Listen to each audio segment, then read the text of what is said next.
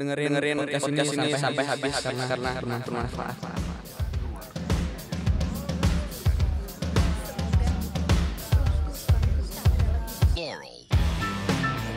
Assalamualaikum warahmatullahi wabarakatuh. Shalom. Om Swastiastu, nama budaya, salam kebajikan, dan Salam sejahtera untuk kita semua.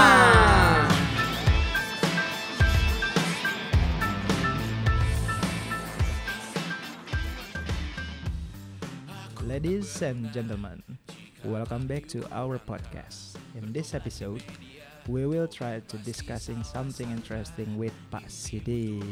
Alright, so this is Fadlan Nyoms and eh udah ulang Udah, udah, gitu udah. ya? eh ulang ulang ulang enggak soalnya kita rupanya tuh itu kayak punya makna talks deh man Oh ya? bukan punya kita deh kayaknya Bukan punya kita? bukan bukan Enggak masalah, sekali-sekali kita sadur sesuatu yang berkelas cuy. Oke. ATM. So- Apa tuh? amati Tiru, modifikasi Waduh. so right now you listen cause we're talk apa bener nggak sih itu. Udah deh, udah aduh lu aduh kenapa sih sosokan pakai bahasa Inggris? Karena- biasanya juga pakai bahasa Indonesia. gini cuy Nah, episode kali ini kita mengundang bintang tamu internasional internasional So, jadi Gimana coba diulang lagi? international. so we have to be focused, alright? Focus. Padlan aksen. Jadi bintang tamunya hari ini internasional Oh, punya ini. nih. kalau Betawi punya orkes, Oke. banyak sekolah, rajin mendidik. Siap. Podcast bukan sembarang podcast. Hari ini kita kedatangan Pak Sidi. Halo. Halo Pak Sidik. Guys, you have to know kalau Pak Sidik itu adalah salah satu direktur dari salah satu bank terkemuka di Indonesia. Oke, jadi kayaknya kalau setelah beberapa kali episode kita nggak nyebutin instansi, kalau pasti di Sebut aja ini. nggak nggak Iya. mungkin nggak mungkin nggak disebut Betul, karena karena everyone knows. everyone knows. Everyone knows him. Everyone knows. Ini masih ke bawah Inggrisnya nih. Pakai bahasa Indonesia aja ya, Pak ya. Pakai bahasa Indonesia ya. Oke. Kasihan nanti pendengar kita nggak ngerti. Iya benar. Siap. Pendengar kita internasional kok. Oh, Atau gue pakai bahasa yang lebih ini lagi, Kemarin nasionalis. Kemarin gue dapat uh, DM di Instagram ada Ah. pendengar kita itu dari Latvia. Latvia, Latvia, Bangladesh, Bangladesh? banyak. Ethiopia, Somalia, Solomon Island, Pantai Gading. Pantai Gading. Oke, Gitu. Pak Sidik tadi direktur apa? Direktur apa Pak? Silakan Bapak memperkenalkan Oh diri, iya, Pak. Pak Sidiknya udah ada. Kita yang Kenapa mau? kita yang memperkenalkan? Iya. Nyaman juru bicaranya emang. Uh, uh. Pak Sidik langsung memperkenalkan diri, Pak. Please welcome Pak Sidik. Halo, saya Sidik, saya Direktur Risk Management di Bank Mandiri. Terima kasih sudah saya udah diundang nih di sini. My pleasure, Pak. Our pleasure. Welcome to our podcast Pak Sidik. Terima kasih. Jadi gimana?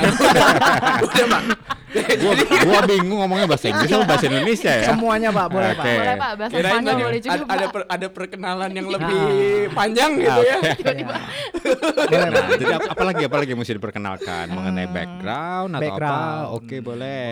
Oke, gini Pak. Oke. Eh, tak kenal maka tak sayang. Baik. Siap. Kita Kalau udah pek- sayang? Kalau udah sayang ditembak, Pak. Jadi gini, Pak. Kalau misalnya ngomongin background, kita pengen tahu Bapak background education ya. Education first ya. Yang pertama education, ya, Education karena itu yang paling utama. Kita dapat titipan dari Pak Nadim, Pak. Ah, Pak Nadim. Bapak TK di mana, Pak? Kok TK? TK, Playgroup? TK, Oh, apa ya? playgroup, dari playgroup, Pak. dulu dong. Tolong ceritain dari playgroup. Oh, sekalian Zaman- aja cuy. Bapak lahir dari mana, Pak? Ah, boleh boleh boleh. Boleh, boleh, Pak. Ya. Saya lahir di Bandung, ya, tapi besar di Jakarta. Oh. Ya. Oh, Bandung, hardang pisan, Pak, hardang. Hardang pisan. Hardang, tararahu, tararahu, mijon, mijon, cang Paceng, cimen, mijon, cang paceng. cimen. Teh, bintang tamu. Tapi- Direkturnya lu gimana? besarnya di Jakarta gitu. Dulu zaman waktu itu kayaknya belum ada playgroup, jadi masuk Belum TK ada- aja. Oh, gitu TK. ya. Tapi TPA ikut nggak, Pak? TPA kayaknya enggak karena saya anak pertama. Oh, anak gitu. pertama. Oh. Dan ibu saya nggak bekerja jadi kayaknya saya diasuh sendiri Hmm. gitu ya.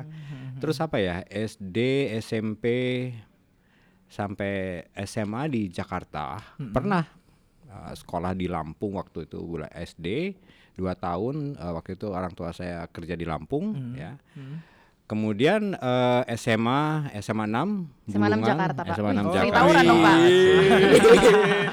Zamannya lagi tawuran, Coba, tapi itu ada- ada- SMA SMA artis itu dulu. Oh iya, Apa Pak. ya? Ceweknya Misal cantik-cantik. sering, misal sering nongkrong di SMA Enak Pak. Dia ah. jualan celurit, gear buat tawuran, Pak.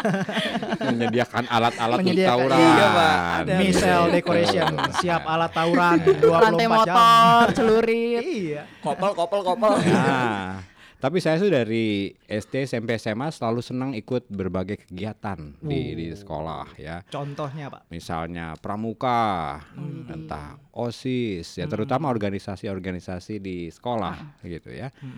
Olahraga sebenarnya saya nggak terlalu minat dulu karena sebenarnya saya nggak terlalu berbakat olahraga. Olahraga itu sebenarnya saya ikut baru eh, di universitas gitu.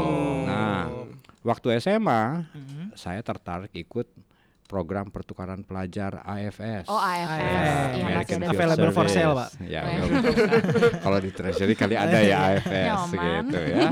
Jadi itu program pertukaran satu tahun. Jadi setelah saya lulus SMA, saya dikirim ke Amerika. Saya lulus seleksi, kemudian dikirim ke Amerika satu tahun lagi high school.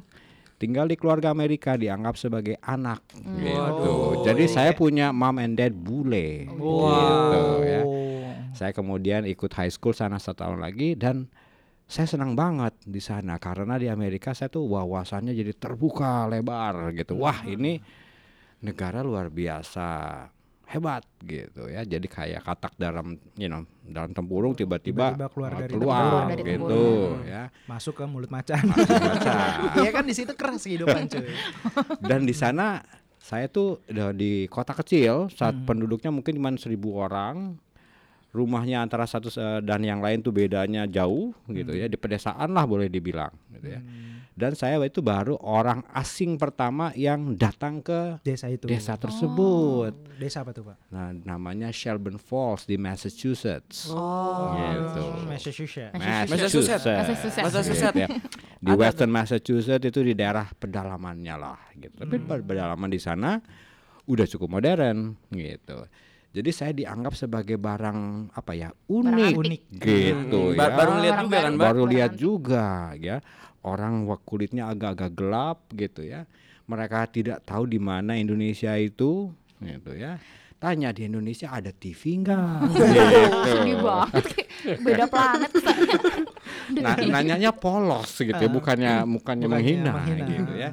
Jadi saya dianggap sebagai barang unik, diundang ke mana-mana untuk dinner, memberikan presentation ke Lions Club, ke di sekolah ya. Oh, itu Untuk- pas baru-baru masuk. Eh baru-baru datang. Itu Baru berarti us- datang. usia Bapak paling Itu kan baru 16 17 dong. Iya, 16, bar- 17. Belum punya KTP ya Pak ya? belum punya KTP dan itu juga di situ nggak ada orang Indonesia. Jadi saya dipaksa untuk berbahasa Inggris gitu ya. Dan waktu itu nggak ada internet, nggak ada telepon pun nggak. Jadi saya nggak berhubungan dengan orang tua saya paling lewat surat saja. gitu. Waduh, Nyampenya berapa lama? Sebulan dua bulan. tuh. Ah, Nah setelah itu jadi selama satu tahun tuh saya benar-benar immerse in the American culture ya. Dan saya senang sekali. Saya bilang, oh saya mau sekolah di sini aja deh, gitu. Ya, jadi itulah yang mengapa. Terus setelah saya balik, saya minta izin orang tua saya, saya mau kuliah di Amerika aja. Gitu. Oh, itu itu salah satu pertanyaan kita sih, Pak. Karena waktu kita kemarin Sempat research ya. baca, iya, ini baca-baca biasa di kan kalau orang sekolah di luar mungkin ngambil masternya di luar. Tapi kenapa Pak Sidik ini da- dari S1 dari ya, S1 kalau udah di luar. Amerika. Iya, karena Dari- itu yang menjadi triggernya menurut saya. Oke, saya ingin mendapatkan sebanyak mungkin dari negara ini gitu, karena ternyata negara ini tuh banyak banget which I can learn gitu ya, in terms Banyak of insight-insight baru ya ya. ilmu-ilmu, wawasan, cara berpikir gitu ya. Sekolah pun di high school kan itu di sana nggak ada tuh yang ulangan hafalan gitu. Semuanya paling nih baca buku. Ini ada lima pertanyaan, silahkan jawab dan pertanyaannya itu open ended questions. There is no Pokoknya right masing-masing elaborate elaborate Semuanya gitu ya. mengenai pikiran anda. Thinking gitu ya, Pak ya? ya. Critical Dan thinking. betul, kelas-kelasnya juga itu semua memacu mengenai analytics, communication untuk berdiskusi, berdebat gitu ya, mengemukakan pendapat. Ya beda sekali waktu saya di SMA 6, kita kita kan hafalan gitu ya. Di Indonesia rata-rata itu hafalan. Satu kelas 50 orang, di sana satu kelas paling 10 orang, 12 orang gitu. Udah gitu remed- remedial banyak barengan lagi remedial. Ulangan dulu. barengan remedial. Eh sering banget gua remedial dulu. Angkatan pas ini belum ada remedial. Belum ada. Hair ya, Pak, ya? Hair, nyebutnya masih hair. Hair Jadi, iya. Gue juga dan hair. gurunya tinggal di satu kelas, kita pindah dan pelajaran pertama Oh, ini. Oh moving Class. class gitu ya Pak Moving ya. class. Nah di high school di situlah saya diperkenalkan olahraga karena olahraga itu di sana merupakan lifestyle. Oh. Yang pelajaran pertama dari eh, setiap hari dari Senin sampai Jumat harus olahraga dulu. Oh, Jadi, Sebelum masuk kelas, Pak? sebelum masuk kelas. masuk kelas. Jadi Oh, dari kayak tentara dari rumah saya nggak olahraga mandi dulu. gitu ya karena pelajaran pertama olahraga, olahraga. saya biasanya ambil cross country running gitu ya. Ada yang ambil cross country, ada yang sepak bola, ada yang basket, terserah ya. Setelah itu mandi, shower, baru kelas kedua itu sekolah Pelajaran. belajar sampai sore. Sore setelah itu ada lagi kegiatan ekstrakurikuler yang biasanya olahraga. Jadi kita baru pulang ke rumah ya jam 5 jam 6 sore. Oke, Ya, oke. Gitu. Tapi Tap- emang lifestyle Tapi banget ya, padat. Padat. gitu. Dan makanya kan kalau di film-film tuh kan cowok-cowok keren tuh biasanya olahraga gitu kan. biasanya ya. olahraga rugby Heeh, rugby ya, fu- Kalau di film-film American sih, Pak. football gitu kan. Jadi bagi mereka tuh aneh kalau ada anak sekolah Yang di high school yang olahraga. tidak olahraga. Tidak olahraga. Mm-mm. Jadi Iya. nerd gitu malah dibilangnya apa ya. Ah, karena itu merupakan bagian dari hidup mereka. Gitu. Iya iya iya iya. Ya. Itu Gitu saya. itu berarti sampai di high schoolnya Pak ya. High school. Terus eh, Terus masuk saya ke, masuk ke uni- University of Texas. Oke. Nah, University of Texas. Nah, Texas itu ada di bagian selatan, Massachusetts di utara. Kenapa gitu ya? Karena waktu di Massachusetts itu dinginnya luar biasa oh. gitu ya. Saya pikir ah nanti S1 saya mau di lokasi yang lebih warm, lebih hangat. oh Texas tuh lebih hangat ya Pak Ah, Texas itu selatan hangat bahkan kalau summer tuh bisa 100 degrees Fahrenheit sekitar 40-an, 45 Wow, panas banget itu. gitu. Ya ya ya. Tapi panasnya kering bukan humid. Oh, Gitu. kayak di sini ya, Pak ya. beda dengan di sini gitu ya. Nah kemudian saya ambil kimia teknik, eh, teknik kimia eh, untuk S1-nya. Kenapa? Saya juga nggak ngerti, cuman itu yang mau saya tanya bapak kan satunya tapi memang kimia. waktu high school di SMA 6 selalu saya paling bagus angkanya di kimia. Oh, anak IPA ya Pak ya. Anak IPA. Anak IPS, Pak. Keren. Gitu. Iya iya iya iya iya. Jadi pilihannya kalau nggak kimia murni ya chemical engineering gitu. Ya udah, saya nggak mau jadi kimia murni, nggak mau jadi dosen, ya udah masuk chemical engineering gitu. Chemical engineering. Nah, Misal anak teknis juga kan? teknik Teknik Selain- sulap. Selain itu kalau Pak. nggak salah Michelle ITB teknik industri bukan? Bukan, Pak, Eh bukan. Eh GDC salah. Tapi ITB-nya benar. tapi ITB-nya benar Misal Pak, dulu juga sempat milih Texas karena katanya memang Texas lebih hangat Pak ya kalau dibanding Texas KFC. fried chicken. Gue udah tahu candaan lu. Tuh. Padlan pantesan ditolak. Nah, abis ditolak cewek apa dia pak? Cuman saya tuh kalau soal pelajaran sekolah nggak pernah kesulitan gitu karena ya nggak tahu. Ya alhamdulillah mungkin dapat beda ya sama Fadlan Sama Pak, Padlan juga sekolah nggak pernah kesulitan. Alhamdulillah selalu dapat contekan. ketawa sendiri gitu. jadi dari ya SD SMP SMA ya juara terus lah gitu. Jadi malu gue. Gimana sih Pak merasa rasanya tidak juara aku di ruangan ini seperti Michelle juga lah gitu juara dari juara dari belakang Lu juara apa Sel? juara apa Lu pernah ranking nggak? pernah lah kalau ranking Gue ranking cuma kelas 3 SD doang cuy. Ranking berapa? Itu juga ranking 6 cuy. Itu udah gak masuk ranking. Gua itu SD nggak pernah, Sisanya gak pernah. Gue SD nggak pernah lewat ranking 4 cuy. Maksudnya 4 ke atas nggak pernah. Iya, Tiga dua tiga dua muridnya berapa man tiga dua tiga dua ah muridnya berapa tiga ratus delapan puluh. asik Gila, awan banget ngibulnya. Eh gue sekolah di stadion cuy. Oh, iya. di dalam. Jadi di kampus juga saya aktif di berbagai bagai organisasi karena memang saya senang gitu ya berorganisasi gitu ya. Leadership role, kemudian di sana juga lanjutkan olahraga, olahraganya juga lari, paling maintenance gitu. Oh, ya. Pak, tapi kalau di sana tuh ada kayak BEM-nya Nah, gitu juga baru kan, Pak? nanya. Band tuh apa? BEM, BEM, Badan BEM. Badan eksekutif eksekutif. masih kayak osis Himpunan, Oh, himpunan, Pak. Mahasiswaan gitu osisnya Ya. kampus gitu Pak. Kalau di sana lebih banyak organisasinya berdasarkan nggak ada senat senat Nggak ada, ada, Pak. Nah, dan nggak ada senat nggak ada hubungannya dengan akademis dan lain-lain gitu. Di sana organisasinya macam-macam tergantung interest ya. Oh. Ada Debate gitu ya. debate club, Debate ada club. Oh, cooking club, ada Fotografi. French club, fotografi, Lebih ini ya, lebih ke soccer, practical gitu, gitu ya. ya. Lebih Atau- yang emang emang apa atau- mendukung ya activity, interest masing-masing, interest masing-masing gitu ya. Asian Student Association, ya, kumpulan orang-orang Asia Hmm. misalnya gitu ya. Tergantung dari interestnya. Jadi siapa pun boleh bikin klub apa pun ya, dan diberikan funding oleh university. Berarti Pak, Ya. mungkin kalau misalnya ada kalau misalnya di kita itu kan BEM itu kan untuk ketertarikan terhadap politik. Di, Ah. di sana ada yang kayak klub politik kayak gitu juga, Pak. Ada juga, tapi itu masing-masing bikin. Ada yang mengenai, ada juga apa ya misalnya sosialis uh, students club ya student yang mengenai interested mengenai sosialisme yang gitu Ya, ya. jadi jadi lebih lebih Feminism. lebih fokus ya Pak Lebih ya fokus. terhadap prinsip-prinsip politiknya dan sendiri. organisasi-organisasi ini merupakan apa ya eh, tempat untuk student to express themselves mengenai masing-masing. Jadi ada juga yang misalnya eh, apa ya orang punk club gitu atau apa pun ya ter- itu kan di sana bebas gitu Iya, iya, tergantung iya. interestnya masing-masing dan diberikan kesempatan untuk mengekspresikan mengkomunikasikan whatever it is they want to express gitu ya.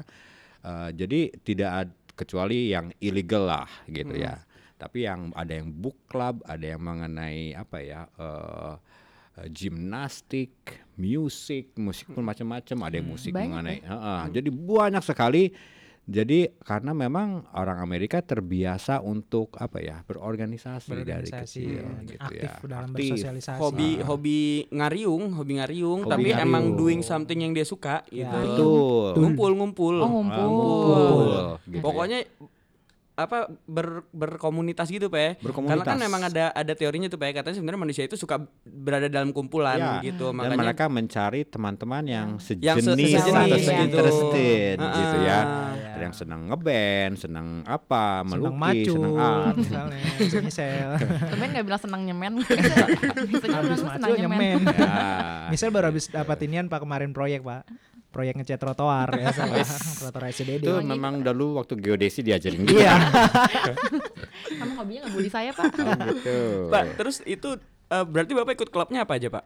Ikut ada uh, engineering club, Engineering club. ada Permias Indonesian Student Association Oh, gitu ya. Ada Asian Club, kemudian ada Running Club, Sama gitu. tenis tadi ya, Pak, Ah, Ya tenis itu sekali-sekali aja, oke. gitu ya.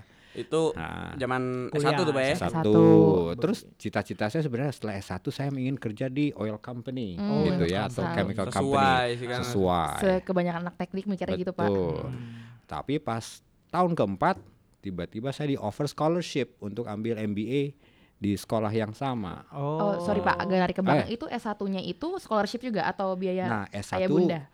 eh, sendiri eh, sendi- partly karena selama empat tahun saya S1 saya tuh bekerja di kampus gitu. Oh, Oke. Sebagai? sebagai bekerja sebagai kasir di toko buku kampus. Oh, bekerja di iya, library iya, di iya, perpustakaan taruh-taruh buku. Saya pernah bekerja menjadi uh, research assistant untuk uh, apa profesor ya yang uh, PhD uh, profesor untuk collect data uh, do apa di labs gitu ya. Iya. Mhm. saya pernah kerja juga di uh, big concert hall kayak JHCC-nya ya yang tiap sat, uh, Saturday Friday Saturday ada Konser. konser ya. seru banget. Nah, jadi saya jadi usher untuk yang oh, Oh, tiketnya panitia. mana nih saya antarkan ya gitu ya. Oh. Nah tujuannya apa? Saya ingin nonton konser for free. Eh, Nah, dan dapat duit juga. Kerja ya. sekalian nonton konser. Betul. Jadi ya. segala macam musician yang zaman itu saya udah nonton gratis Hmm. gitu ya dan dapat duit pula gitu. Peter Pan gitu berarti ya Pak? Gak ada dong. Peter Pan belum, tapi ungu udah. Ungu udah. Oh ya ungu. Ungu sama Pernah. SD12 Sama kalau nggak salah. Kerja. Cuci piring juga di kafetaria di uh, Sama, kampus gitu Hmm. Tapi ya. kalau di Amerika itu kalau jasa tuh dibayar lumayan kan? Dibanding di dibayar Indonesia lebih ya, dihargai. dibayar per jam gitu. Dan bagi di sana itu sesuatu yang common for Common. everybody Ah, to works ya. Earn a living untuk membantu membayar tuition. Eh, jadi ha- semua orang bekerja juga nggak apa-apa Iya. gitu. Bahkan kalau orang yang nggak bekerja tuh kayaknya wah nu anda Malah sama aneh sekali ya. nggak bantu orang tuanya Iya ya gitu. malah malah jadi aneh gitu. Ya. Tapi itu sih yang apa maksudnya jadi kayak seneng gitu ya. Karena respect terhadap orang yang Iya. emang udah ngeluarin tenaganya untuk kerja tuh di sana tuh emang ada gitu dan Pak ya. saya jadi belajar mengenai value of money gitu artinya ternyata cari duit itu Enggak Gampang. nggak gampang. gampang gitu ya itu yang bikin kita jadi saya juga lebih eh, cara budgeting spending money segala macam karena ternyata wah ini nggak mudah cari duit gitu. Dan eh, karena saya mesti bekerja mesti sekolah mesti kegiatan selama empat tahun itu benar-benar menempa saya bagaimana saya memanage waktu dengan sebaik-baiknya sembuh supaya semuanya bisa jalan gitu. Eh, karena biasanya saya ambil misal 5 kelas eh, per semester gitu. Plus bekerja minimum 20 sampai 30 jam per week Hmm. gitu ya plus kegiatan-kegiatan lain. Dan juga ada relax kegiatan juga entah itu apa ngumpul-ngumpul, dinner keluar, main bowling dengan teman atau apa gitu ya. Nah setelah itu saya dapat eh, scholarship, MBA gitu ya. Nah kebetulan kenapa di offer karena mereka eh, buka major baru which is eh, information systems management. Gitu. Information Uh, management. Jadi di situ ada ya concentration atau major baru di MBA-nya yang mereka baru buka.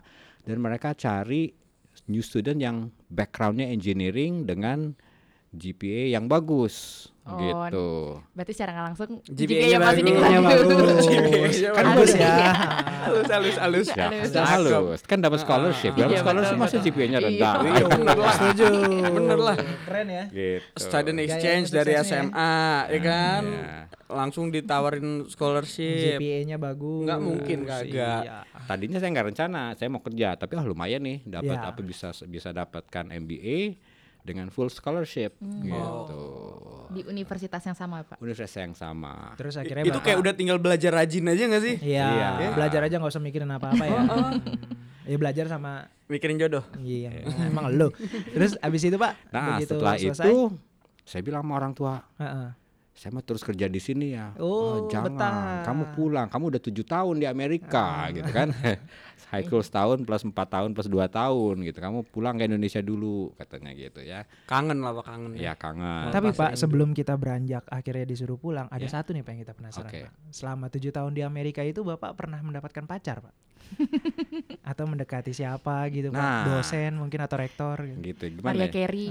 Maria Carey. Jadi, cie, Nah, ini nih, ini nih, ini, Ini nih, kita tunggu-tunggu nih. waktu di Bernard senyum-senyum. Lu jangan senyum-senyum lah. kayaknya bagian ini perlu diedit nanti ya. Siap. Off the record. Berikut. Ntar disensor Pak. ya. Jadi waktu SMA 6 kelas eh, di Jakarta, saya ketemu dapat pacar kelas 3 SMA sekelas gitu. Nah, se- eh, orang tersebut jadi istri saya sekarang. Oh, luar jadi Lama ya berarti pacarannya. jadi kelas 3 SMA ketemu Bu Niken, kita pacaran, terus saya ke Amerika, ke Texas. Niken eh, sekolah disekolahkan di LA. Oh. Gitu. Sama-sama di US. Sama-sama di US. Kita sapa dulu dong Bunda Gitu. Niken. Halo Bunda Niken. Bunda-bunda aja. Oh, iya semuanya Halo Ibu Niken. sini Bunda. Oh, iya. Kemudian Pak, Jadi kemudian selama kuliah ya kita kalau liburan ketemu Hmm. gitu. Itu kayak seru banget ya. seru. Seru banget. Udah Seru sekolah banget. dibayarin, Oh, pacar oh. juga di sana. Gue Ah. mulai iri nih gue nih.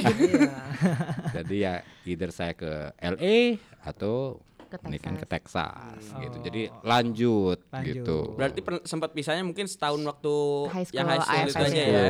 ya. Terus di sana sering ketemuan juga dong Pak. Ya sering ketemu kalau pas lagi at the end of the semester misalnya kita ketemuan Janjian gitu ya. janjian gitu ya. Nah, setelah lulus S1 Ah. gitu. Udah lama banget nih pacarannya katanya. Orang tua nanya, "Gimana?" Ya udah akhirnya kita menikah. Itu pas lulus S1, S1. S1, Oh, pas S- pas lulus S1 Ah, kita balik ke Jakarta, kita menikah. Terus kan saya ambil S2 Berangkat lagi. bareng. Oh, bareng lagi. Gitu. Ibu Niken juga lanjut lagi. Enggak, Bu Niken enggak ikut. Nemenin Enggak, aja. ah, ah. Kita temenin aja gitu. Jadi setelah itu ya udah setelah S2 pulang bareng gitu ya. Jadi selama S2 enak lah ada yang masakin, ada yang ngurus. Enak ya, udah Udah ada- sekolah kuliah gitu. di Udah ada yang ngurusin. dimasakin. Ini- itu ke kampus bawa bekal juga pasti. Ah, I- i- ini kayak cerita Habibie Ainun versi 2 gitu gak sih? Iya. Kalau gitu Asli ini Gue dari tadi mikir ini Ah. kayak Iya, cerita apa ya? pernah nonton Kayak ya kayak pernah begini. nonton. Gue pernah nonton yang gini. Kayak suami istri ya. sama-sama pinter Iya. sama-sama. Lo gak mau bikin Al Hadad Ima? Ah, Kesebut. Cuy, udah ditolak jangan disebut lagi. Siap. Gitu. Nah, terus Pak, begitu sudah selesai S2 balik ke Jakarta di Bapak bilang. Iya, balik ke Jakarta. Kebetulan waktu saya di eh, tahun kedua di MBA itu Citibank lagi rekrut. Nah, jadi Citibank Indon eh, Citibank lagi rekrut. Kemudian waktu itu antara tahun pertama dan keduanya Citibank telepon, Anda nanti kalau mau lulus mau kerja di Citibank nggak? Waduh, saya pikir-pikir dulu. Gini deh, kamu kan ada liburan tiga bulan between first year and second year. Why don't you come to Jakarta and work during the summer with us gitu ya eh, tiga bulan Jadi liburan tiga bulan tuh setelah tahun pertama saya balik ke Jakarta, bekerja di Citibank Jakarta. Oh. Ini yang program Gitu. manajemen asosiat itu ya Pak? Manajemen eh, ya itu masih enggak masih summer intern, Oh, masih masih summer summer intern gitu ya. Sekalian saya pengen tahu oh kerja di bank itu kayak apa karena sebetulnya sebetulnya nggak ada rencana kerja di bank Iya. gitu kan ya. Saya tetap pengen oh pokoknya nanti Niatnya oil and ya, gas. oil and gas, saya engineer gitu kan ya. Ya udah tiga bulan di Jakarta, wah saya seneng banget gitu karena eh, suasananya juga sangat mendukung, orangnya pinter-pinter, pekerjaannya challenging gitu ya. Nah setelah summer selesai, ya, saya mau balik lagi tahun kedua, pas di hari terakhir saya di offer job. Ini oke. Nanti kamu tahun depan kalau lulus balik ke sini lagi ya. This is the offer katanya gitu. Jadi oke deh karena memang orang tua saya bilang kamu pulang gitu ya. Dan saat itu memang uh, Citibank ini salah satu uh, one of the best companies uh, di Indonesia untuk Iya. banking karena tempat belajar lah Iya. gitu. Cuma terkenal dengan pencetak pe- Nah, pencetak-pencetak Pencetak banker. banker. Banker banker Nama oke. eh. Tapi kan sekarang udah digantikan dengan Bank Mandiri. Bank Iya. Mandiri gitu. Hmm, Solusi perbankan Anda mandiri saja at lips. aku siap untuk mulai lagi. mulai hari Berani kan dengan lu langkah pasti. Nah, apal man? iya dong tiap hari. setelah balik nih setelah MBA masuklah saya di Management Associate Program Nah, gitu. Program. Jadi eh, semacam ODP-nya lah untuk fresh graduate. Jadi satu angkatan mungkin sekitar 15 orang lah waktu itu. Yang S2 juga dianggapnya fresh graduate ya Pak ya? Yang fresh graduate. Jadi kebanyakan di angkatan saya tuh S2 semua gitu pada saat oke. itu kan. Mayoritas juga lulusan luar negeri, Luar negeri. gitu. Ya.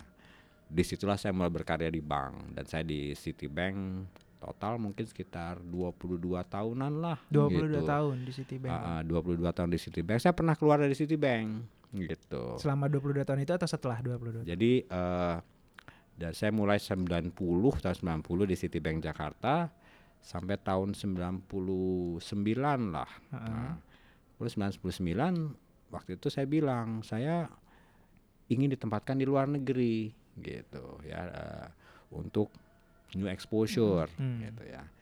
Nah, kebetulan bos saya waktu itu masih mau keep saya di Jakarta gitu. Oke, jangan dulu deh gitu ya. Saya masih butuh Anda. Nah, pada saat itu yang sama saya dapat offer dari ABN AMRO Bank in Hong Kong. Gitu. Wah, saya saya ambil. Saya keluar dari Citibank, saya pindah ke Hong Kong bekerja di ABN AMRO gitu ya. Nah, waktu di Citibank itu saya punya dua bos ya. Hmm. The country business manager di Jakarta, satu lagi my regional boss risk head untuk region uh, Asia Pacific di Singapura ya. Jadi uh, yang waktu itu nggak mengizinkan saya uh, di saya di luar tuh yang country business manager.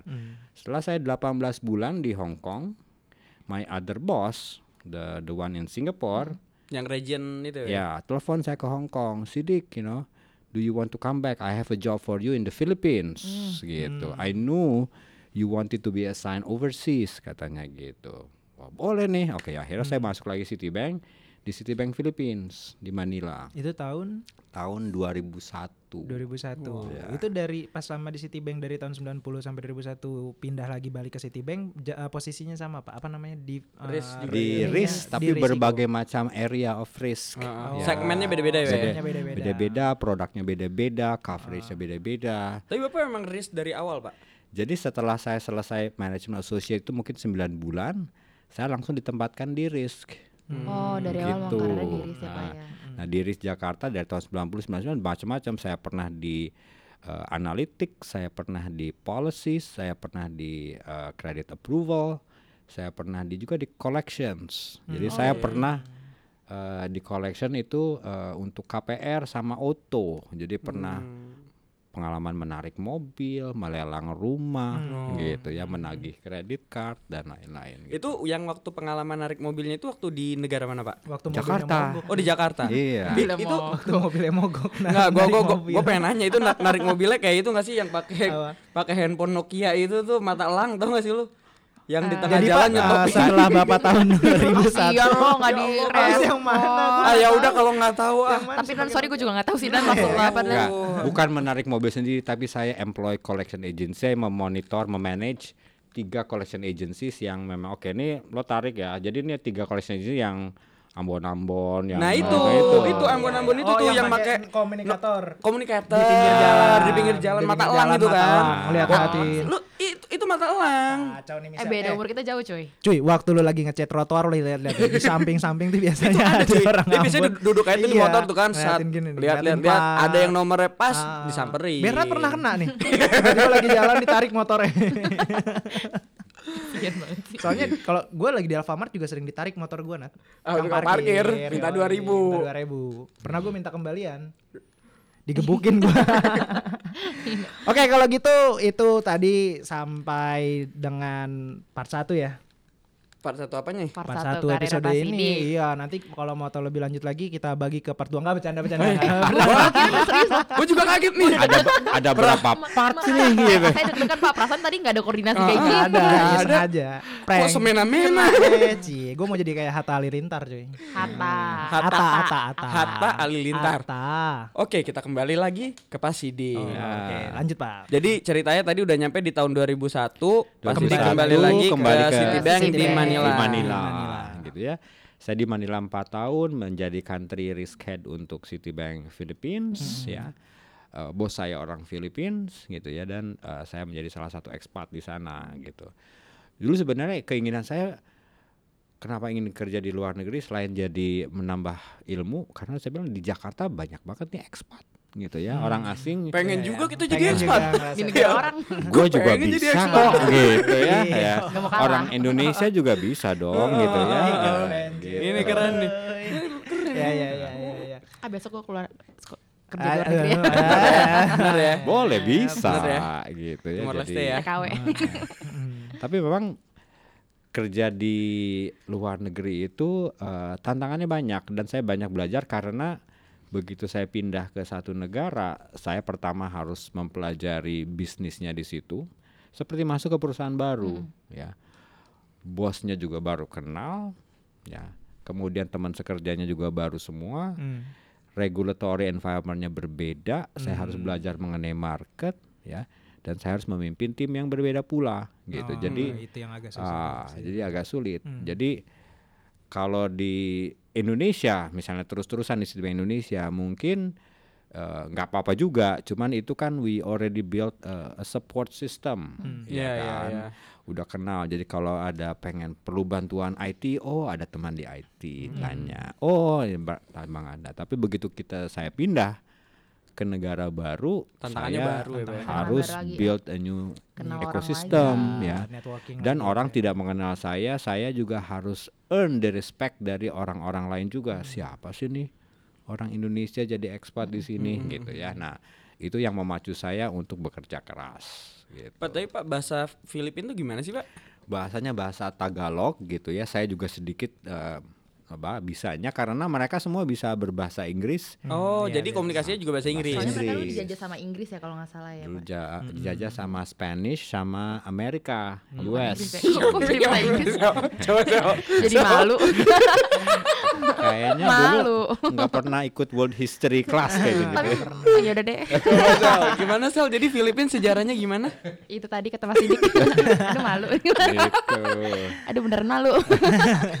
Kemudian dari 2001 di Nah 2001 Citibank jadi ekspat ah. itu biasanya kalau di Citibank itu tiga tahun sampai empat tahun di satu Ah. negara karena memang tugasnya sebagai apa ya untuk mengisi eh, skill gap yang Skill yang eh, apa untuk jabatan tersebut yang tidak ada di local eh, Hmm. talent Oke. ya dan tujuan saya selama 3 4 tahun tersebut harus mendevelop the local talent untuk Gantiin ya, menggantikan Pak? saya. Hmm. Nah, setelah 4 tahun local talentnya sudah siap gitu ya. Kaderisasi. Betul. Nah pada saat itu eh, saya udah dapatkan a new job di Singapore gitu ya. My old boss, uh, a lady yang tadi ngajak saya balik ke Filipina, you come back to Singapore, work for me, and cover Southeast Asia from Oh, Singapore. lagi cakupannya, ya, gitu ya. Cover Oke, beberapa oke, negara oke. di Southeast Asia from Singapore. Oke, sounds good job gitu ya. Karena my idea of working abroad ya di Asia aja lah gitu Ya, ya, Hong Kong, sama Filipina, sekarang Singapura. Semuanya udah dapet, udah cari sekolah buat anak, udah punya tiga anak saat itu. Hmm. Eh, udah dapat apartemen juga di Singapura, di Manila kita udah farewell party juga dengan teman-teman gitu ya. Nah sekitar mungkin seminggu sebelum mau berangkat pindahan gitu ya, dapat telepon from uh, my big boss in New York, bosnya yang di Singapura ini, gitu dia telepon lo cidik. Simon Williams from New York will call you in 15 minutes, you know. Wow, kenapa nih gitu ya? Uh, you better talk to him katanya gitu ya. Terus pas telepon Simon orang-orang Inggris based in New York gitu ya. Sidik, I know you're supposed to move to Singapore next week gitu ya for this job gitu ya. But I would like you to consider another job gitu ya. Hmm.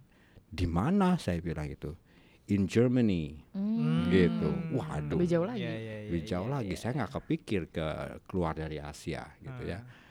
Why Simon? Why why would you consider me? Well, we have a big business in Germany, which is the largest consumer business that uh, Citibank has outside North America. Jadi ini bisnisnya besar karena akuisisi di tahun 70-an di Jerman, gitu ya. All these years they have been making lots of money, but in the last three years they have had major credit problems, NPL-nya tinggi, ya, uh, credit losses karena ekonominya lagi down, ya. So the uh, position for the risk head there ya kosong katanya. Gitu ya. Kita cari lagi cari kandidat and your name came up gitu ya.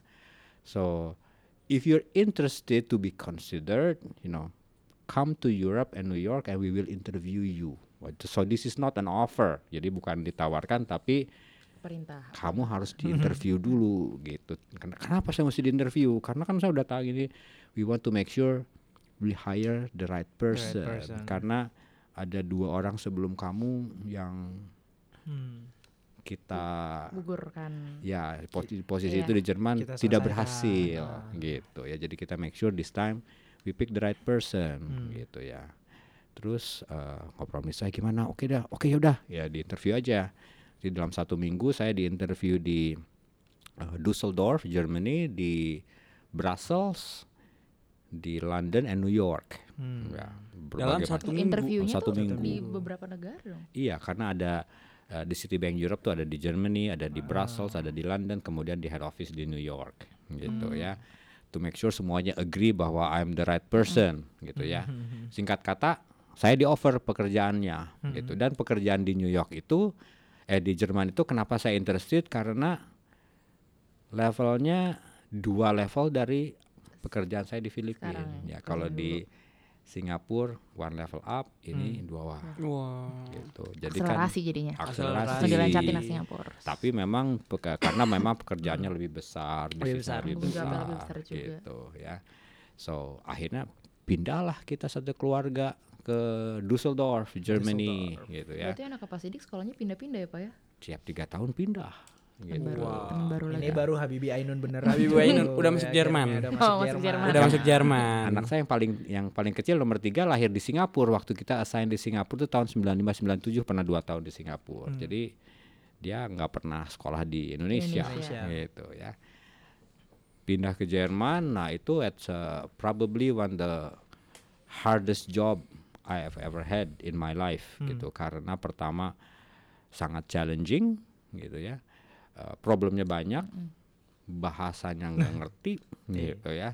Dan uh, in general uh, personalitasnya orang Jerman kan a bit cold gitu.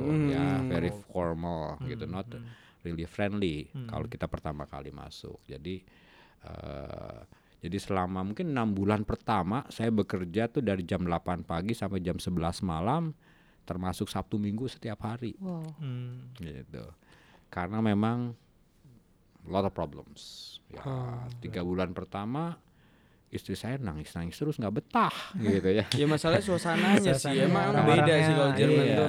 gitu. Lebih Dingin ya, individualistis ya. Heeh, apalagi Dari- di zaman-zaman itu kan juga informasi mungkin masih belum sebanyak Masih sekarang ya Pak ya. sekarang. Jadi mungkin juga toleransinya pasti di waktu itu lebih keras kan Pak. Untung Hitler udah nggak ada kan?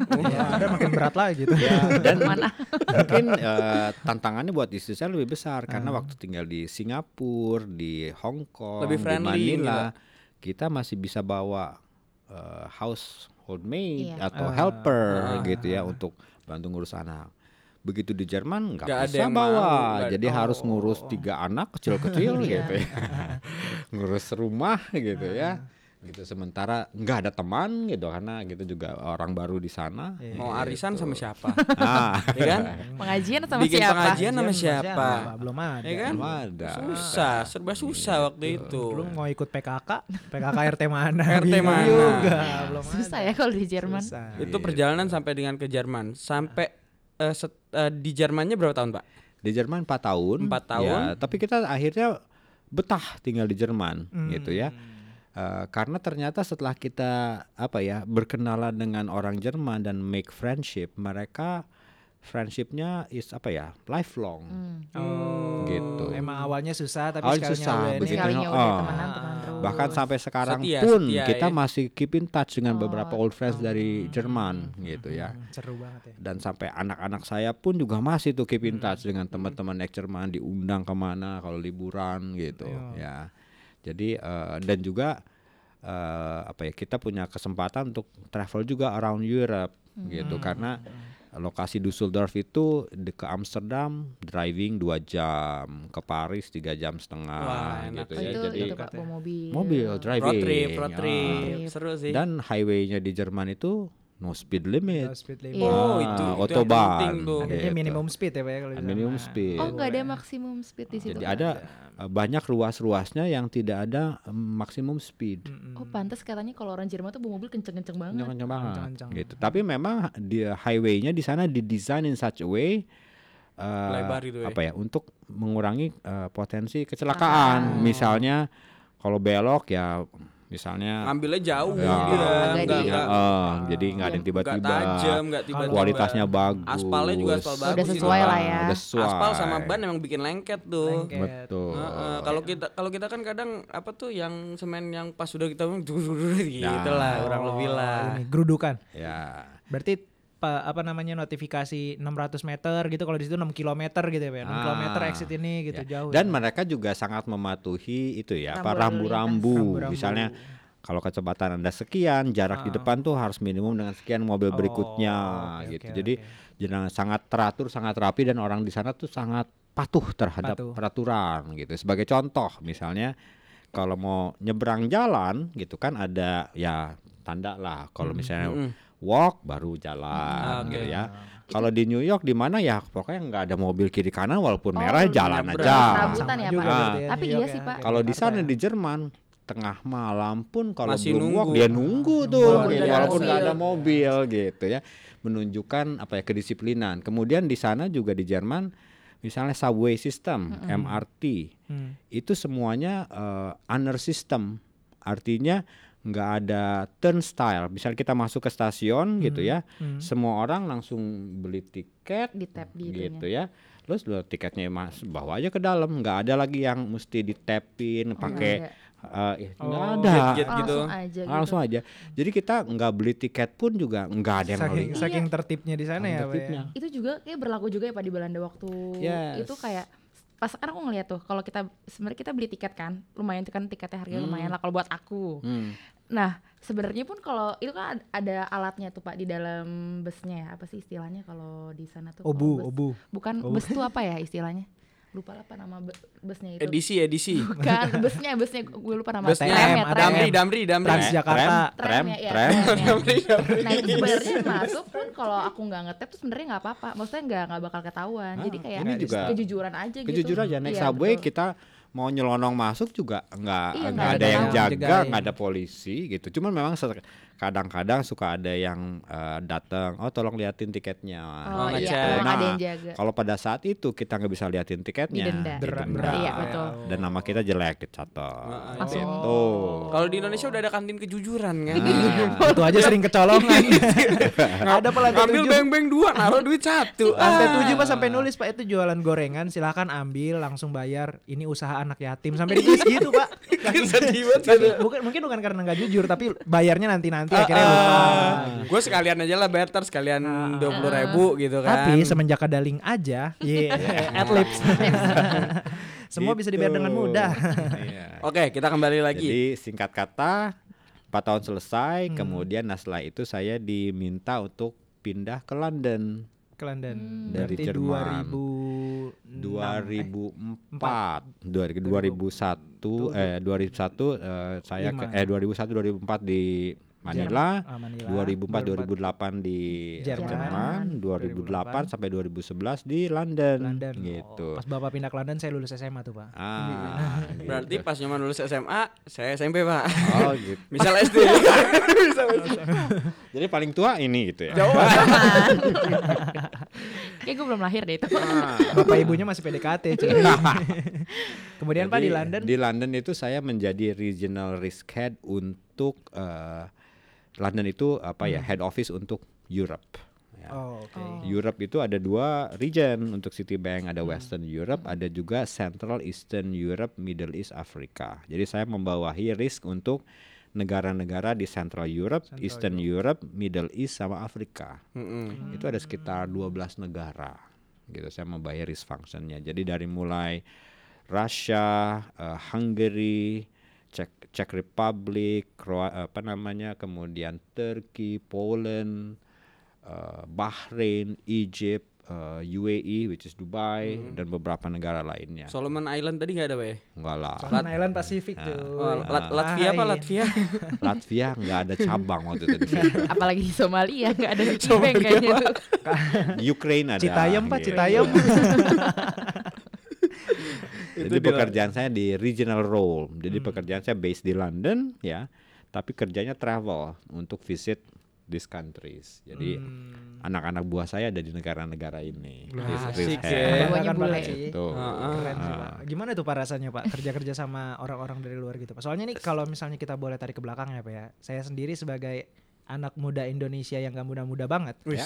Itu kalau misalnya diadu untuk kerja di luar itu sebenarnya kita masih ngerasa kayak aduh kayaknya masih ada mental yang merasa kayak orang luar tuh Nah, lebih pinter gitu. Itu yang mungkin salah satu yang menurut saya itu nggak benar cara berpikirnya. Karena Hmm. setelah saya bekerja saya merasa orang Indonesia tidak kalah kemampuannya. Cuman kita kurang pede. kurang pede. ya gitu ya dan kita ku- kurang dilatih untuk berkomunikasi secara aktif dari kecil Mm-mm. gitu ya Hmm. Betul. kalau di misalnya di Amerika di Europe itu memang school sistemnya dari SD itu memang memaksa lu mesti ngomong di kelas Mhm. gitu ya dipaksa mengeluarkan pendapat berdiskusi berdebat ya speak up gitu Eh, ya. ya speak up ber ha- having different of opinions itu nggak apa-apa Say gitu ya. that you have in mind Nah, gitu, ya. gitu ya.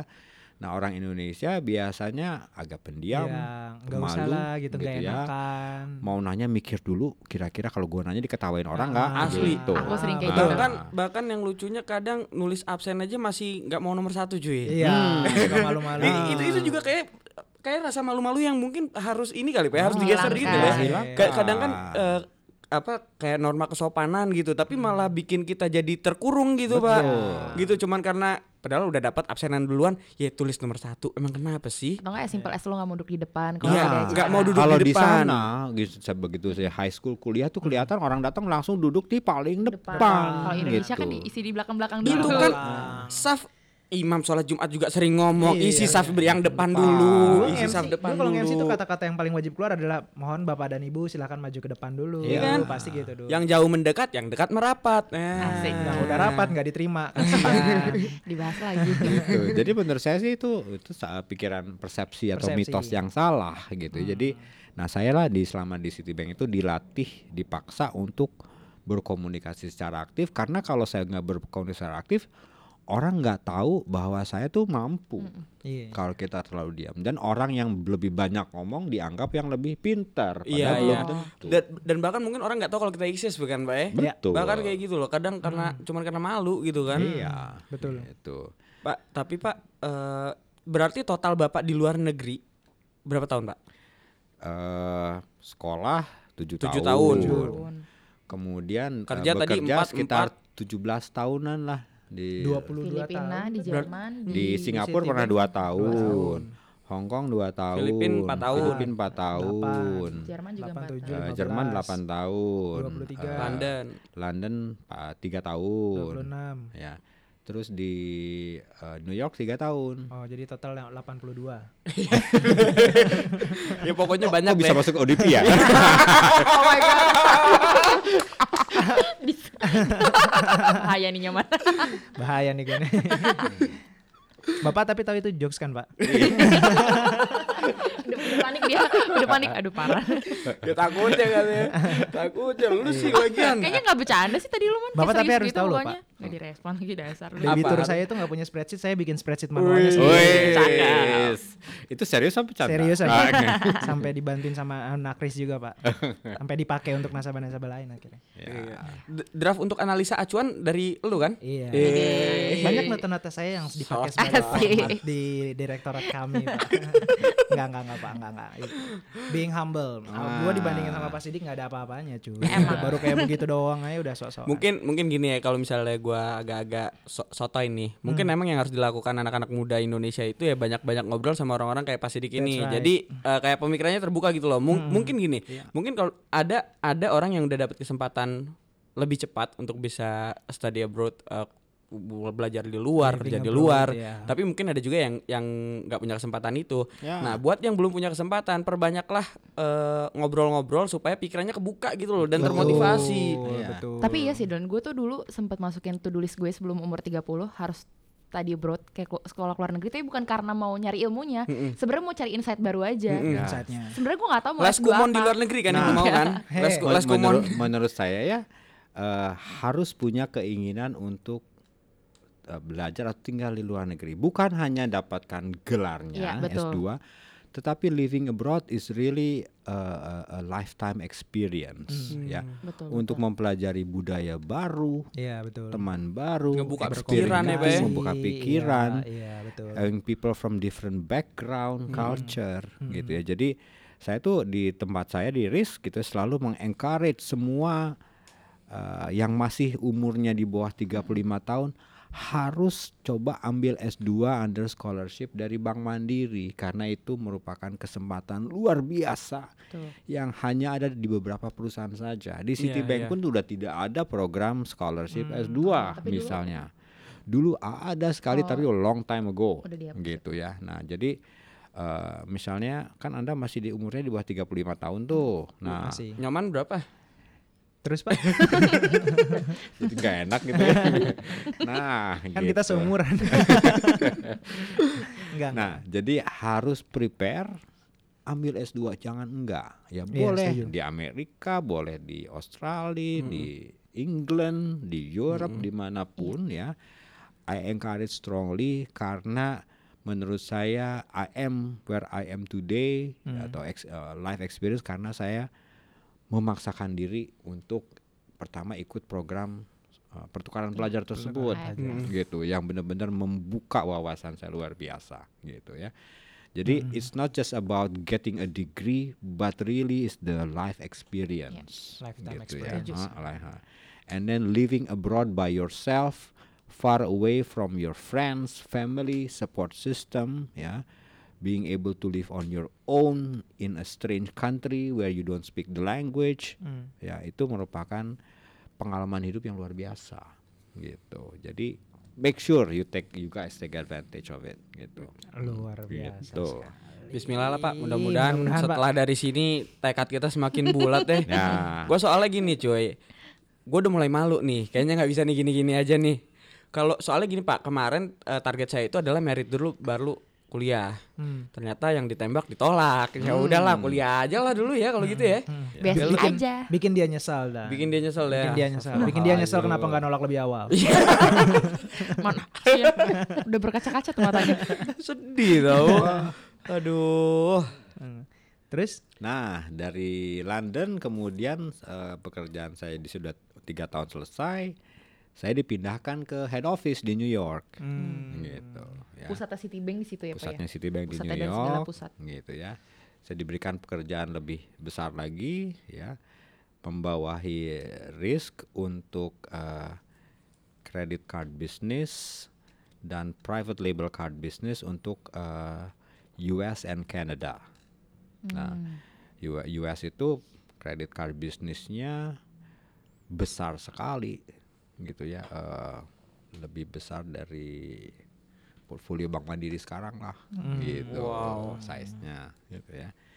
Nah, saya menjadi risk head-nya, saya juga membawahi untuk eh, unsecured loan products di Asia Pacific gitu ya.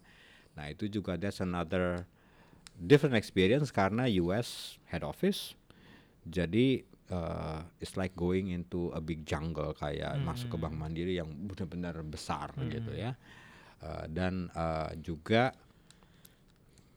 culture-nya beda, regulations-nya beda. Cuman I enjoy it very much karena lokasinya di New York, it's the greatest city in the world. Iya sih. gitu. The city that never sleep. That will never sleep gitu sangat exciting. Jadi dan begitu saya tinggal di New York, ya Citibank offers, do you like living in New York? Yes, saya bilang gitu ya.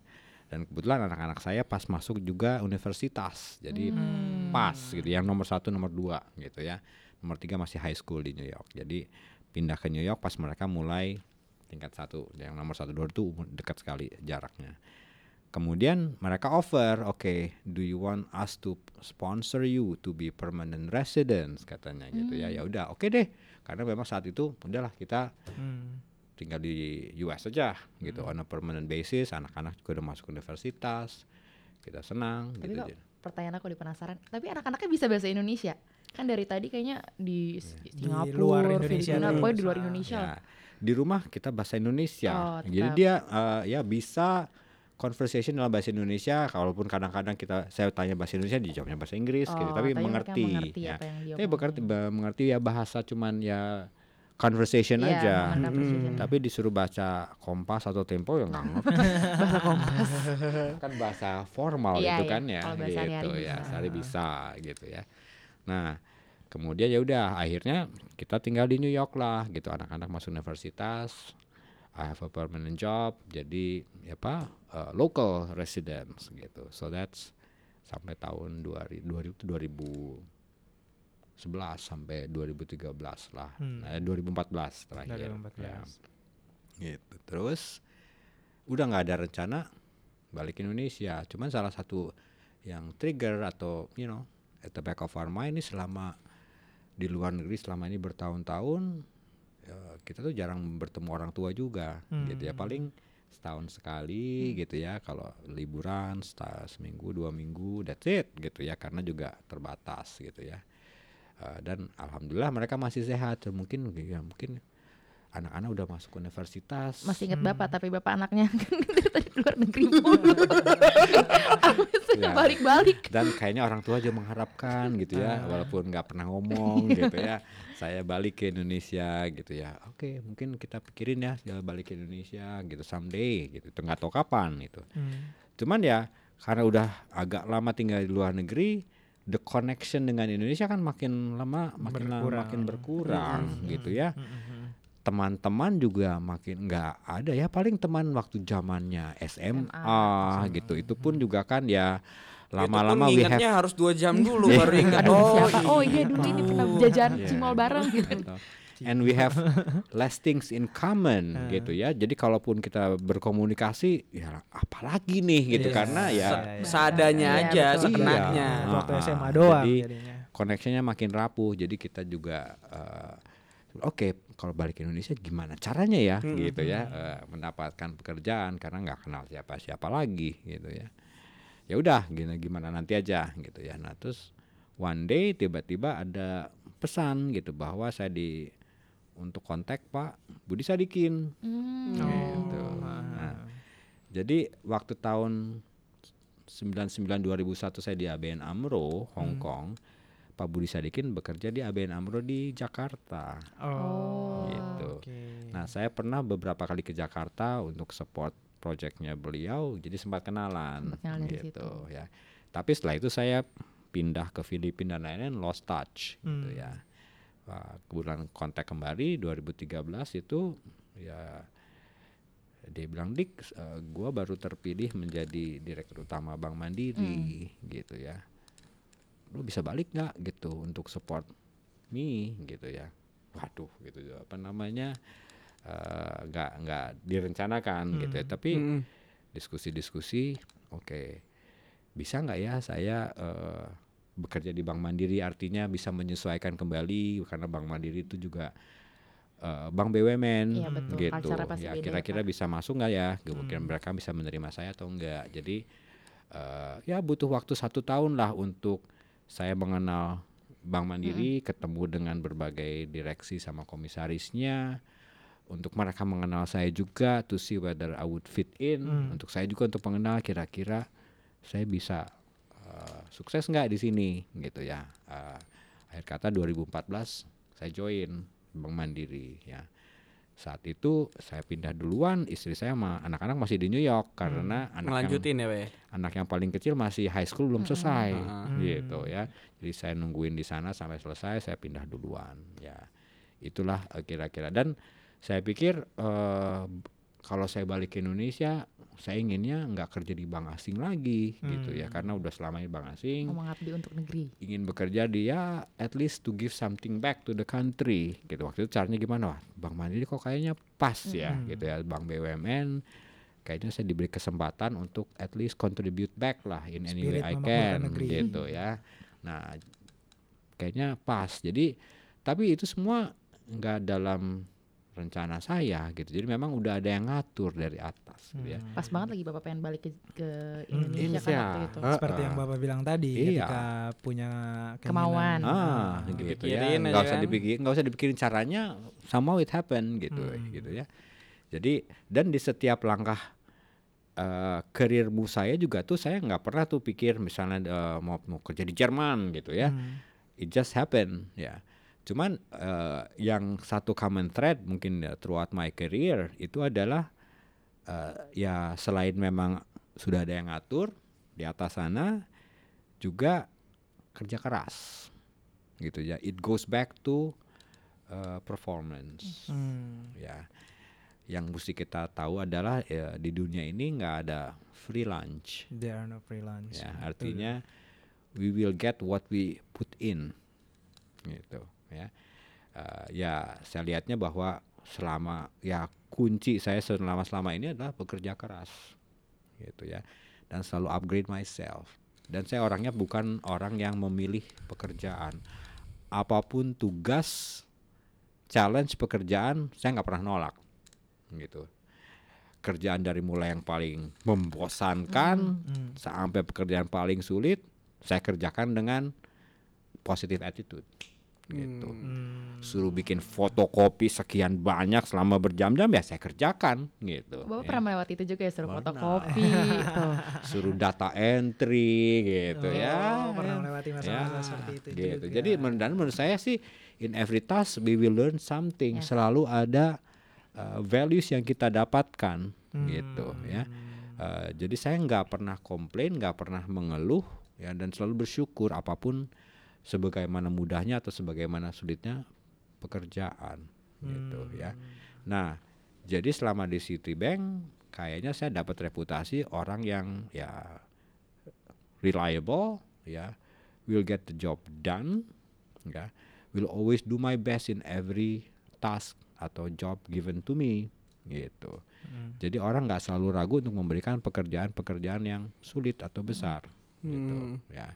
Nah itu saya kira ya relevan untuk para generasi muda gitu ya bahwa at the end of the day there's no free lunch we have to earn what we will get. Dan nggak ada ya semuanya harus bekerja keras gitu ya. Eh, dan mungkin yang yang eh, saya biasanya lakukan adalah saya orangnya nggak pernah menyerah. Hmm. pantang menyerah ya always try to do my best dan saya pikir kalau if I tried hard enough I will find a solution. I will find a way. Gitu ya. Eh, dan kemudian juga yang saya lihat yang saya learn dari orang-orang eh, European Americans adalah mereka orangnya tidak tidak cepat tersinggung. Hmm. tahan banting. Iya, gitu ya. Nah kadang-kadang orang Indonesia itu suka Gampang baper ya istilahnya. Ma- pakai hati di setiap Dikasih ini. kritik cepat sedikit, bete. mutung Hmm, atau kalau orang. Sunda tuh bilang pundungan Pundung ya pundung. Pundungan. Kalau orang Bali ngambul, Pak. ah, ambul marahin dikit besoknya nggak masuk gitu Iya. ya Marahin dikit nah jadi itu semangat. jangan gitu ya karena apa namanya itu ya menurut saya sih itu itu attitude yang saya pikir wah ini mereka dimarahin kayak apa bangkit lagi bangkit lagi Hmm. gitu ya lima menit kemudian udah lupa gitu ya dan itu merupakan salah satu apa ya attitude yang bagus lah Itu profesionalis profesionalismenya tuh kelihatan banget kelihatan Pak. banget Heeh. gitu ya bahwa it's all about work nothing personal Iya, Gitu. iya, iya, iya. Nah, gitu. Ya. Dan gak nyerah juga ya Pak ya. Mau dimarahin Pantang menyerah. juga harus tetap jalan Ya, terus. kayak apa namanya bounce back balik Bounce lagi kayak back. bola bekel gitu ya. Gitu. Nah. Jadi eh, rencana kita di awal nih FYI kita mau membahas mengenai work hard play hard. Ternyata Ah. ini lebih kayak motivasi, motivasi kerja ya. Tadi how to work hard. gue bahkan bener, Pak. at some point gue kayak gue boleh gak sih nggak nanya lagi gue pengen dengerin aja. Betul sekali. Tapi kan ini komunikasi suara jadi Ah. harus tanya. Jangan sampai kesannya kayak kita nggak gabut gitu ya di sini. kayak gabut. Udah deh gue dengerin aja deh kayaknya lebih seru deh deh. Ah. akan tetapi Iya. selain Oke, selain working hard Kita baru mau masuk ke topik nih, ya. Seperti kan? kebanyakan seorang pria, seorang pria itu selalu mempunyai motivasi dalam dirinya work hard, play hard. Ya, itu penting gitu. Artinya kita juga harus memiliki interest atau hobi yang lain selain bekerja. Bekerja. Karena kalau kita kerja keras tersebut terus we will get burn out soon Hmm. gitu ya. Jadi penting untuk memiliki interest atau hobi di luar bekerja. Jadi ya seperti tadi misalnya suka jogging, running gitu atau music gitu ya. Eh, saya selain running dan dulu pernah suka berenang juga, tapi se- apa kemudian ada sepeda ya. Spinning ya, Pak. Dan saya sama istri saya tuh senang apa ya? eh interior design Hmm. gitu ya. Dan saya dari saya senang koleksi eh, lukisan. Oh. gitu. Terutama ada lukisan-lukisan dari pelukis Luk, luk, pelukis. lukisan Pak Tino Sidin ada pak? Nyomanin Nuarta gitu. Tahu Ah. nggak Pak Tino Sidin? ya? Lukisan-lukisan Pak, kebanyakan yang kita koleksi lukisan apa ya pelukis yang pernah tinggal di Bali gitu Oh. Nuarte yes gitu Nuarta ya Eh, juga misalnya kayak apa namanya eh, Blanco, Oh, Blanco. gitu ya Eh, kita senang Hendra Gunawan juga ya, Jayhan Gunawan. gitu ya atau Ari Smith Ari Smith. Blanco tuh yang ada museum itu yang di Bali kan Pak ya ya? ah, Museum gitu, Blanco ya. dekat rumah saya itu, Pak. Oh dekat rumah Loman. Oke baru tahu. Gitu. Jadi kalau kita ke Bali kita senang tuh cari tempat-tempat yang artistik, Hunting-hunting gitu kayak gitu, ya, ya. hunting-hunting, lihat-lihat aja gitu ya. Tapi saya tuh kalau ngeliat bapak sama ibu tuh emang serunya gitu pak ya, olahraga bareng gitu. Jadi kayak apa emang excitementnya tuh Ya. sama, Sama. gitu. Ya, karena kan ya ya saya sibuk gitu ya Ah. dengan pekerjaan. Jadi kita cari ya interest atau hobi atau yang kita bisa. Spend time together. Ya Hmm. karena kalau masing-masing punya itu ya makin jauh. eh, apa ya waktunya makin sedikit gitu ya. Jadi waktu saya udah mulai seneng lari, istri saya, yuk ikut ikut ikut. Ternyata ternyata dia juga seneng gitu ya. Ju- Juara ngeplank loh. Jarang apa ya? Juara ngeplank loh. Sama sepatunya nih Pak, saking play hardnya nih. Sepatunya khusus ya Pak ya? Khusus. Sepatu yang dipakai bisa nambah, bisa bikin pace-nya makin bagus ya. Nah, itu kan Sepatu yang warna pink itu. Warna itu. pink. Ya kita kadang-kadang runners itu suka apa ya? Nyentrik perlu- nyentrik. Ya, artinya kita kalau melakukan sesuatu harus dengan apa ya? Full equipment ya Pak ya? full equipment supaya keren, Mendukung supaya kita. apa uh, Nyentrik. Motivasi motivasi. gitu. Anda juga kan kalau mau misalnya manggung DJ cari outfit yang Oh, iya. Iya, iya, benar. cocok Nah, gitu ya. Itu sampai beli kacamata. Beli Eh, kacamata. Pak. Gak taunya ada yang nyamain. sama. Ah, Nggak jadi gue pakai. Iya, ada yang dipakai. Jadi kita runners juga kadang-kadang mesti ah beli yang apa nih outfitnya nih yang lagi in merek ini gitu atau sepatu yang bisa larinya bikin lebih cepat. Nah itu kebetulan ya suka eh, apa namanya ke bawah juga tapi nggak apa-apa selama bikin semangat larinya, bikin fun Iya, gitu. Nah, itu kan yang yang yang nyeimbangin kita pak ya jadi Ya. kita nggak terlalu apa nggak nggak kebeban berat banget sama yang di Betul. kantor ya kan Ya. itu kayak self reward buat Yes. kita nggak sih Iya, dan kita juga kan ya. apa spinning class bareng-bareng. Spinning class. Nah itu ceritain Gitu. dong Pak spinning classnya Pak. Nah, Biar spinning class itu waktu ikut. kita tinggal di New York, Ah. ya. Saya sama istri saya selalu kalau tiap kali pindah kota selalu join gym, ya, uh, fitness center, fitness club, Hmm, gitu ya. Nah, istri saya sama saya itu join di New York Equinox, Equinox Gym Club. Equinox. Equinox Club itu yang yang ya the in uh, sports club in New York lah, gitu. Jadi gymnya bagus, peralatannya lengkap, berbagai macam klasis ada lah. Nah, salah satunya ada mengenai yang spinning class. Hmm. Nah, pertama yuk ikut yuk kayak apa sih nih gitu ya waktu kita kita ikut wah asik banget gitu. Karena Hmm. instrukturnya bagus Seru ya. seru gitu ya rame-rame gitu ya. Kemudian musiknya enak gitu ya dan kita selalu ikut. Dan kita merasa apa ya setelah ikut itu moodnya jadi positif endorfin gitu ya. Nah setelah kita dari New York pindah ke Jakarta belum ketemu lagi. Sampai suatu waktu eh, Pak Bowo Om Bowo bilang Iya. Pak di bawah ada tuh gini-gini yuk kita bikin gini-gini ya udah akhirnya kita mulai Spinning tuh ya. dari sekitar satu setengah tahun yang lalu bikin dari lima orang Lima orang. tambah 10 orang ikut 15 jadi lama-lama waiting list. Sekarang Oh, waiting listnya banyak. waiting list. sekarang udah ada list 30 banyak. sepeda Iya. gitu ya Ah. jadi tadinya 5 tambah 10 15 terus nambah terus Nambah gitu karena ternyata makin banyak ya kita senang karena kan makin banyak orang yang berolahraga ya dan saya senang di spinning class itu kita bisa berinteraksi having fun dan itu olahraga yang cukup demokratis lah siapa pun Iya. boleh ikut Bisa ya. Betul. nggak usah apa namanya eh, yang penting mau datang jam 6 pagi gitu ya Iya. datangnya juga suka on time terus Iya, kan ya kecuali Michelle kayaknya Michelle suka telat Michelle suka telat. Jauh rumahnya soalnya. Pak. Paling jauh Ah, rumahnya. paling jauh. Kasihan Pak. ya Dia ke sini nyebrang sungai dulu. Tapi if I may, may share something ya Yes. sama teman-teman semua nih. Pas ini kalau misalnya mau tahu juga, saya dari dulu kan sering di gym ya Pak. Mungkin kalau Bapak sering lihat dulu sebelum ikut kelas spinning, itu sering banget di gym dan setiap selesai spinning itu salah satu indikator gue udah harus masuk ke kamar mandi adalah ketika pas Sidik keluar. Maaf. Karena artinya bakalan rame itu kamar mandi. Iya, ngantri, Oh, ngantri. gitu. Karena kalau pas Sidik udah keluar berarti- Bubar. bubar nih Bubar. baru berarti semua mau masuk kamar mandi Ah, dan, ngantri. Ah, ah, dan Pak Sidik yang pertama kali sering senyumin gue cuy makanya gue pertama kali ingat Waduh. jujur Pak waktu baru masuk emang saya belum terlalu hafal semua Ah. direksi Pak pas Pak Sidik senyumin saya nanya sama Mas Wanto Ah. Mas itu siapa sih Mas senyum-senyum gitu itu Pak Wow. Sidik katanya Wow. Saya cari Pak Sidik oh maksudnya artinya apa dengan segudang prestasi yang sangat tinggi-tinggi seperti itu. Tadi bukan bermaksud menjilat Pak Hmm. walaupun emang iya. Tapi dengan segudang prestasi yang tadi Bapak sudah sebutkan itu Bapak tetap stay humble dan mau menyapa orang yang mungkin Bapak belum terlalu kenal sama saya. Dan Iya. pasti pada saat itu saya masih kelihatan culun banget sampai sekarang juga. Sekarang Iya. pun terus terus terang banget. saya tuh baru tahu namanya ini Nyoman itu di mana coba di mana Pak anniversary kemarin pak. yang di ya Ah. yang anda jadi MC Yang kita bikin Ya, acara itu Pak, iya. acara Iya. anniversary spinning. saya lihat oh, tapi nggak tahu namanya tahu. siapa Oh, ini, oh ini nggak orang. kenal tapi Ah, maunya apa cuy. gitu. Jadi yang dibutuhin itu sebagai orang pekerja keras jangan baper, Ah. jangan tersinggungan, harus mau bounce back. ya Dan jangan punya mental berpikir takut untuk misalnya kerja di luar karena di mana pun yang Pak Sidik tadi bilang betul kita sebagai orang Indonesia pun mampu cuy. Yoi. Dan yang paling penting dari itu semua adalah Stay humble. stay humble. Stay humble. dan jangan lupa bekerja keras Bekerja keras. Iya. Jadi ka- kalau gue lihat memang Pak Sidik ini dari generasi gue gue sempat cerita kan Mm-mm. dari generasi yang memegang teguh etos kerja Betul. gitu. Etos kerja. Etos kerja itu yang Hmm, utama. betul Bagi Gebi tahu etos Salon Seven. Eros, eros, Oh, eros. Oke, Pak kita nih nggak kerasa kita berapa lama ya? Wah udah subuh. Kayaknya kayaknya gini Pak ya. Episode per, episode pertama kita itu episode terpanjang. oh gitu Saya yakin ini lewat sih Pak. Ah, but we proud of it. Iya, ada bosan-bosannya, Karena nggak kerasa, cuy. nggak ada bosan-bosannya.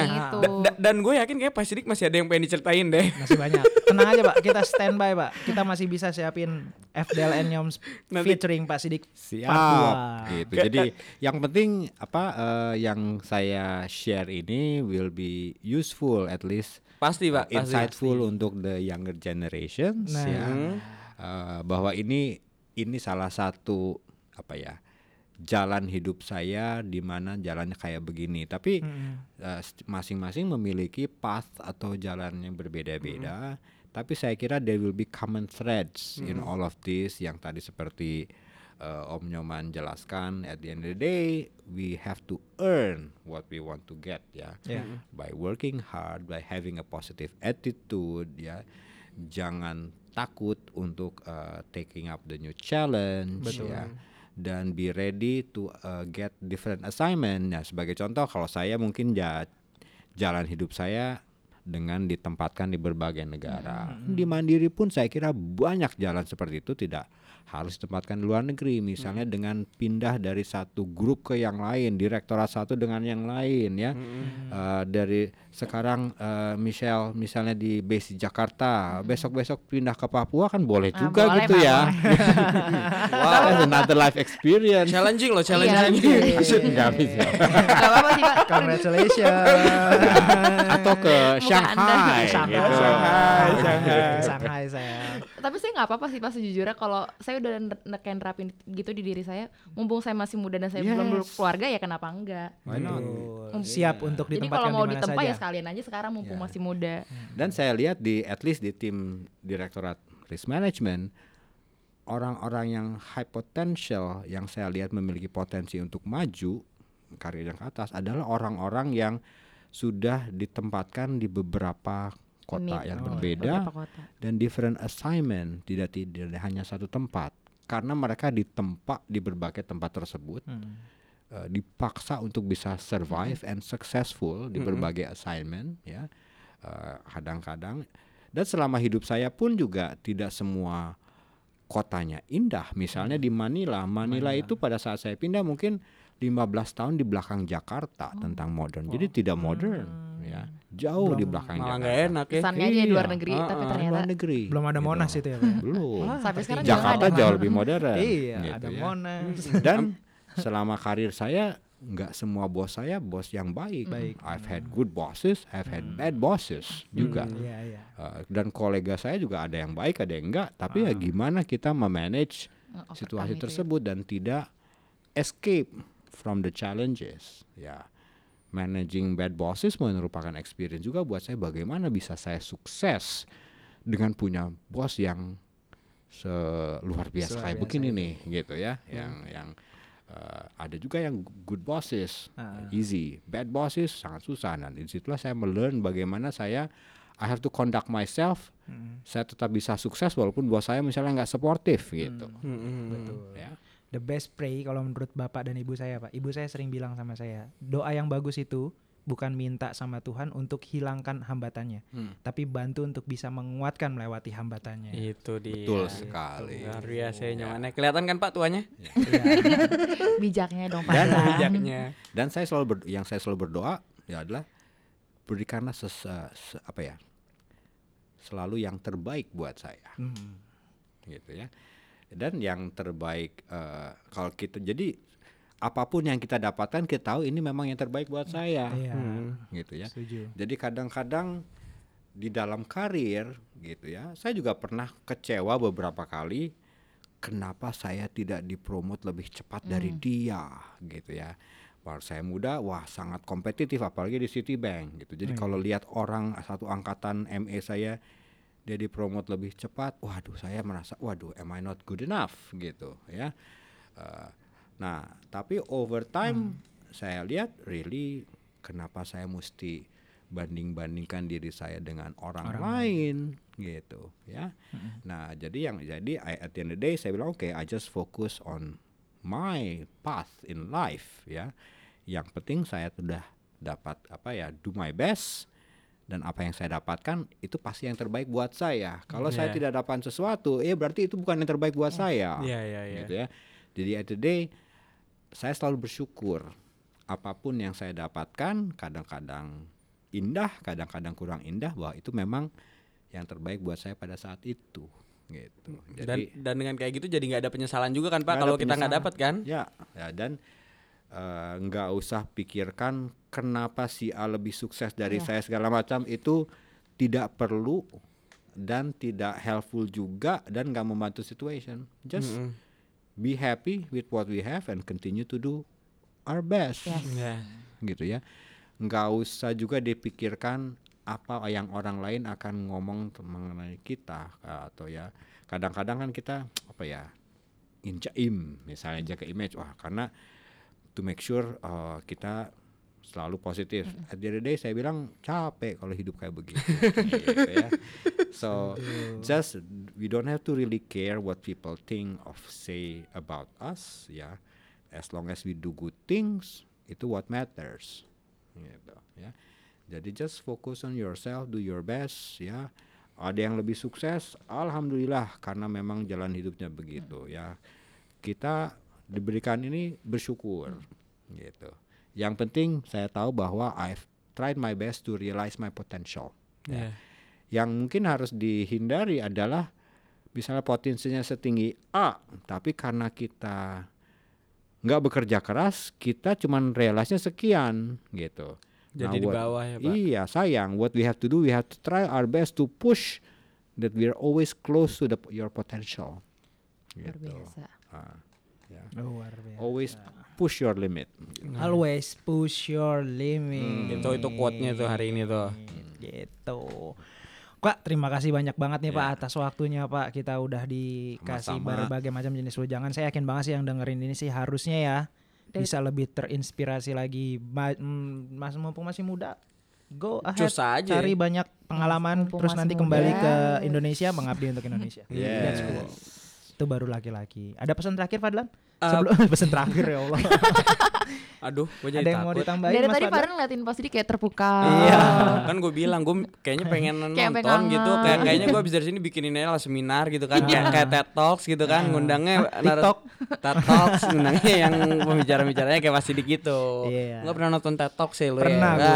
gue gila lu. Gue walaupun ngelawaknya kayak TikTok gitu tapi gue tahu TED Talk gitu. sama musikali sih.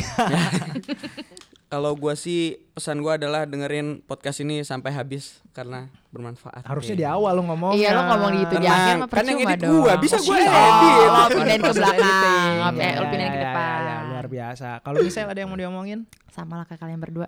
Apa sama Pokoknya kalau selagi kalian masih muda ya, Hmm. kayak kalau misalnya lagi dapat bos yang galak atau misalnya lagi dapat pekerjaan yang gak enak atau mungkin pekerjaan receh kayak data entry tadi yang kata Pak Sidik bilang ya lakuin yang terbaik karena itu nanti yang bakal nempak kalian untuk jadi lebih sukses Luar lagi. biasa. Yes, setuju. Jadi nggak ada pekerjaan yang receh ya Pak Tidak istilahnya. ada. Jadi jangan meremehkan. Jangan jangan Yes. underestimate ya. Oke, terima kasih Pak Sidik atas waktu dan kesempatannya kita ngobrol bareng. Semoga kita Sama-sama. bisa dapat waktu-waktu di kemudian hari untuk ngobrol kayak gini juga. Thank you juga buat Mbak Gebi yang udah mempersiapkan waktu Terima kita. kasih Mbak Gebi. Dan terima kasih untuk Thank Mas, Mas Bernard, Bernard. dengan dokumentasi kita. yang sangat luar Alhamdulillah biasa. ya kita didukung oleh banyak pihak Banyak hari ini. pihak. Dan terima Dan kasih untuk Bakmi Bakmi GM. GM, Bakmi GM. yang sudah mensponsori kita. Mensponsori podcast kita hari Dan ini. Aqua. Ada Aqua. Equil. Uh, uh, banyak alhamdulillah. Ah, Dan, Dan Lenovo. ruangan Jawa. Apa ini Ya. namanya? Apa? Tanah Jawa ya? Ruangan Jawa. Jawa. Oh, iya. Oke, dan akhir kata dari kita Witing Trisno Jalaran Soko Kulino Iya. wabillahi taufiq. Wassalamualaikum warahmatullahi wabarakatuh. Terima kasih. Terima kasih Pak Sidi. Apa itu Witing Trisno Jalaran Soko Kulino? Kita datang karena